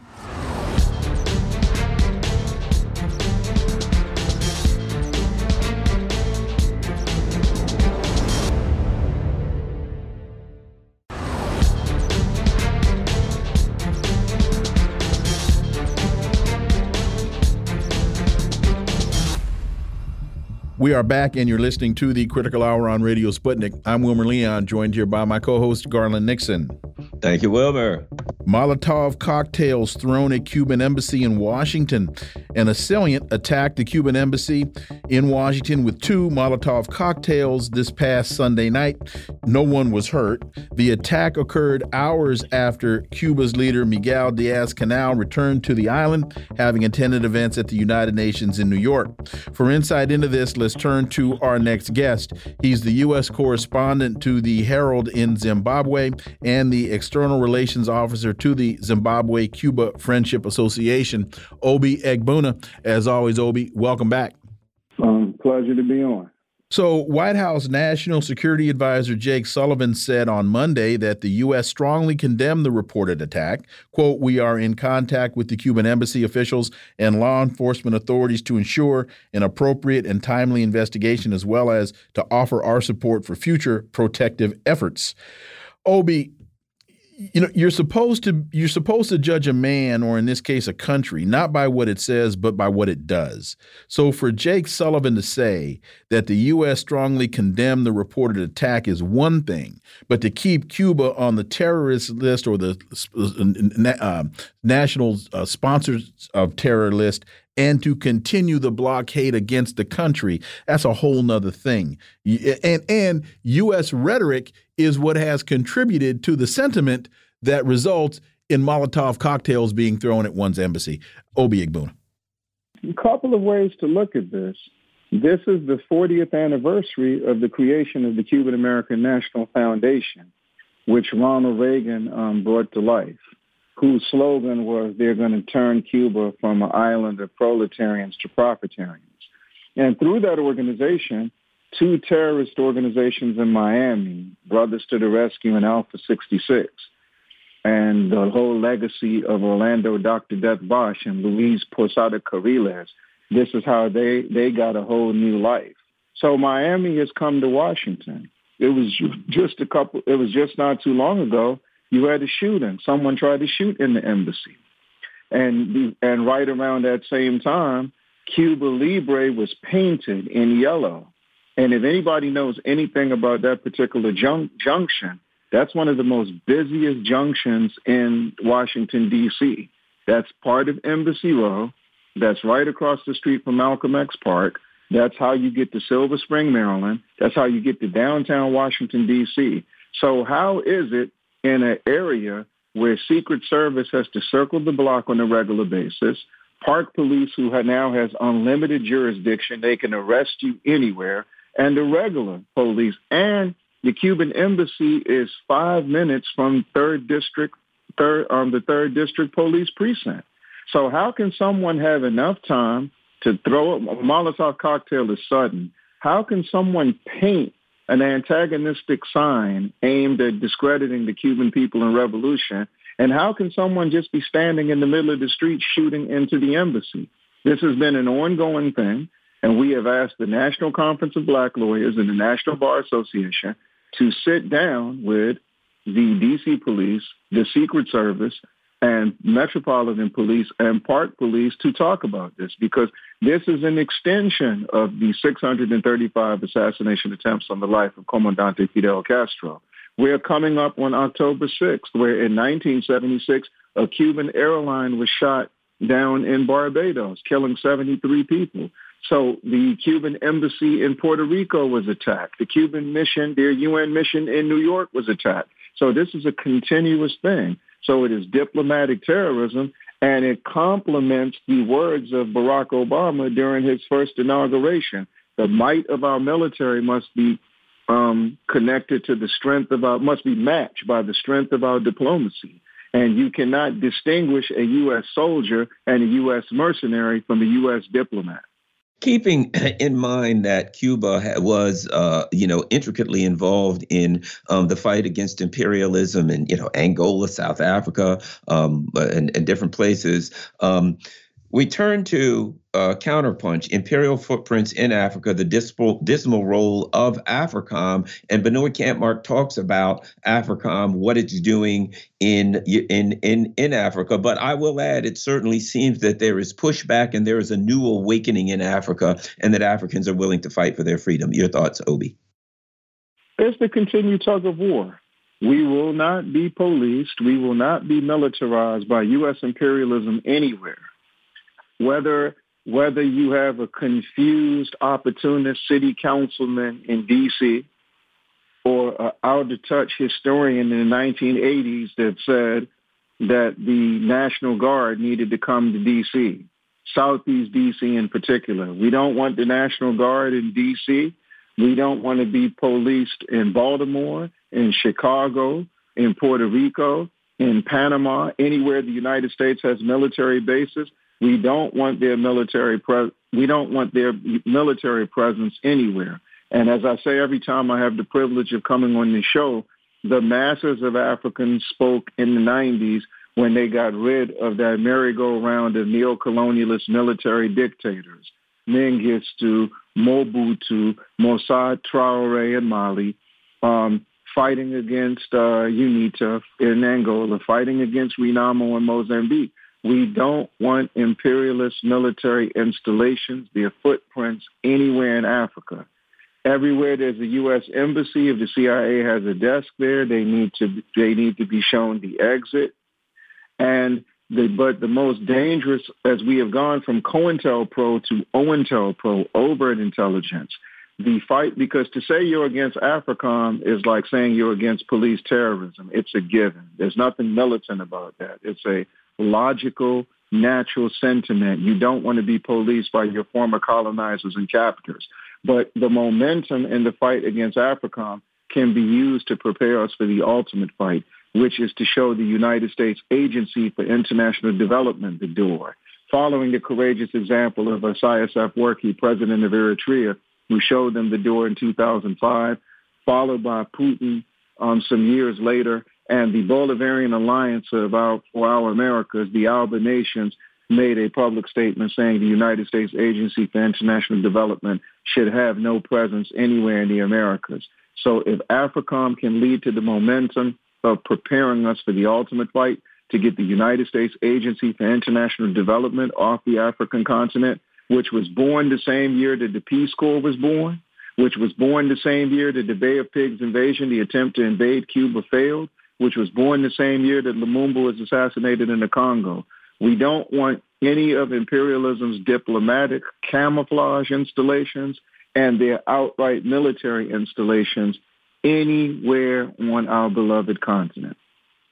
As we look at the most recent reporting that France is withdrawing from Niger, it's recalled its ambassador. It's recalling its troops, and there are. It's being reported that France is withdrawing, and we know with that a vacuum gets created. Do you see the United States stepping in, whether it be through AFRICOM or any other entity, stepping in to? We know it was was the adage history. History deplores a vacuum if, if, imperi- if, imperi- if imperialism was a nightclub, the United States would be the head bouncer. So, so they, how do you see so that, that vacuum their, getting that filled? Is, that is their job. They'll do everything they can diplomatically, politically, and militarily, whatever measure works, to isolate and stifle Niger, to isolate and stifle Burkina Faso, to isolate and stifle Mali, because it is a standoff, because French neocolonialism, neocolonialism that was obedient and capitulated to the French, the model of that was Houphouët-Boigny. As I had said before, um, the assassination of Amilcar Cabral 50 years ago was planned in his living room. The invasion of uh, Ghana, which was a coup against Osagyefo, Dr. Kwame Nkrumah, February 24, 1966, the same day that um, the most honorable Elijah Muhammad and Dr. King had a meeting of the minds. That was planned in Houphouët-Boigny's living room. All, all the um, discomfort politically that we've been subject, subjected to through French neocolonialism, Houphouët-Boigny was a player. So what we are still trying to do after all these years is recover the same way Haiti is recovering from Papa Doc and Baby Doc. The same way that Nicaragua had to recover from Somoza after 70 years. So we're recovering from French um, neocolonialism as is. But every time it rears its head, we have to organize and smash it. So part of our daily fight is to make sure that any of its installations, any of its mechanisms, any of its machinations are not allowed to function because that is a threat to peace, that is a threat to stability, that is a threat to tranquility. Uh, Obi, my, here's my question. They were the the the the uh, uh, uh, empire attempted to use ECOWAS um, to for a military intervention in uh, West Africa in Niger, but that fell apart quickly. How? Not saying that they still might not do it, but so far it seems to have fallen apart. How important is that? We in the 1990s the stand by the people, the masses of the people because Barack Obama's history book is a weapon of mass destruction. He said that Arab Spring was the most rapid swing towards peace and progress in modern history. He had a he had, he must have had the same history teacher that taught Columbus geography. We know that from 1957 to 1960, 35 nations got their independence, the most rapid swing towards progress in the history of the world, and they have they took a blow in West Africa. Our people don't want neocolonialism in military form. There will be no more military neocolonialism in Africa. What we have to prepare for now is civilian neocolonialism. And the offensive to impose civilian neocolonialism started in Southern Africa when the multi-party for multi-party movement for democracy was used to dismantle um, the Kaunda's government in Zambia. And then right after that, the movement for democratic change was created by the Westminster Foundation for Democracy to bring about an illegal regime change in Zimbabwe.